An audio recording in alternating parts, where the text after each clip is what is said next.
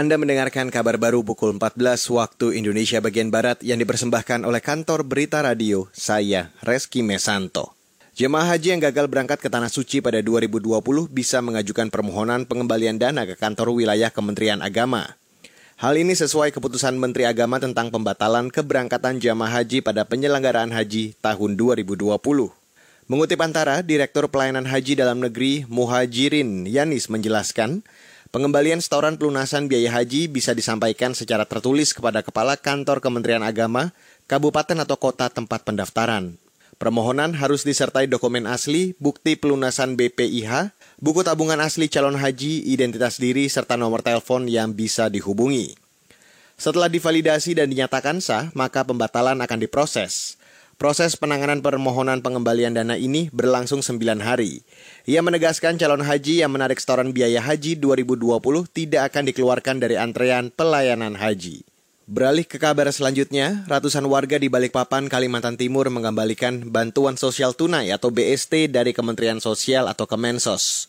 Wali Kota Balikpapan Rizal Effendi menjelaskan warga menolak BST sebesar Rp600.000 karena merasa mampu.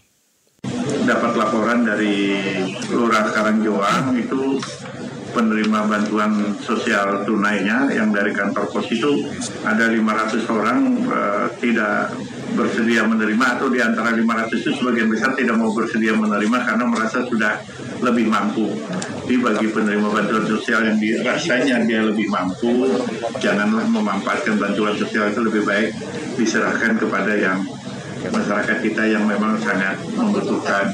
Wali Kota Balikpapan Rizal Effendi menambahkan, mereka yang menolak BST namanya masuk data terpadu kesejahteraan sosial atau DTKS sebagai keluarga tak mampu. Ia mengklaim DKTS itu diperbarui setiap tiga bulan. Pendataan keluarga tidak mampu dilakukan melibatkan Kemensos dengan pemerintah setempat.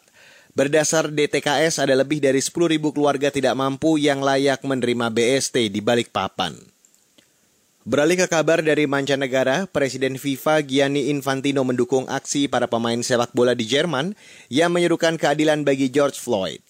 George Floyd adalah pria Amerika yang diduga mati karena dibunuh seorang polisi Minneapolis, usai ditangkap karena disangka memakai uang palsu pekan lalu.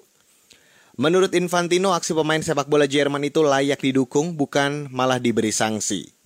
Saat ini, Asosiasi Sepak Bola Jerman atau DFB tengah menyelidiki dua pemain Borussia Dortmund dan pemain tengah Schalke serta pemain depan Borussia Mönchengladbach karena memberikan hormat kepada Floyd akhir pekan lalu. Presiden FIFA tidak sepakat dengan hal tersebut.